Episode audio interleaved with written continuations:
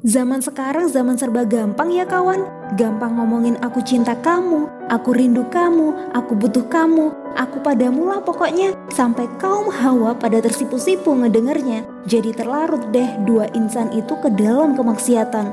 Nafsu nguasain hubungan mereka, rayuan yang ngedatangin murka Allah malah dianggap indah semriwing. Padahal Allah telah berfirman, janganlah kalian mendekati zina, karena itu perbuatan yang keji dan suatu jalan yang buruk. Nah loh, kata Allah jangan ngedeketin zina, dideketin aja nggak boleh, apalagi dilakuin coba. Kayak tatap-tatapan atau berduaan di tempat yang sepi ditemani rumput yang bergoyang. Yuk berbenah, cinta memang fitrah, tapi jangan sampai salah arah loh ya.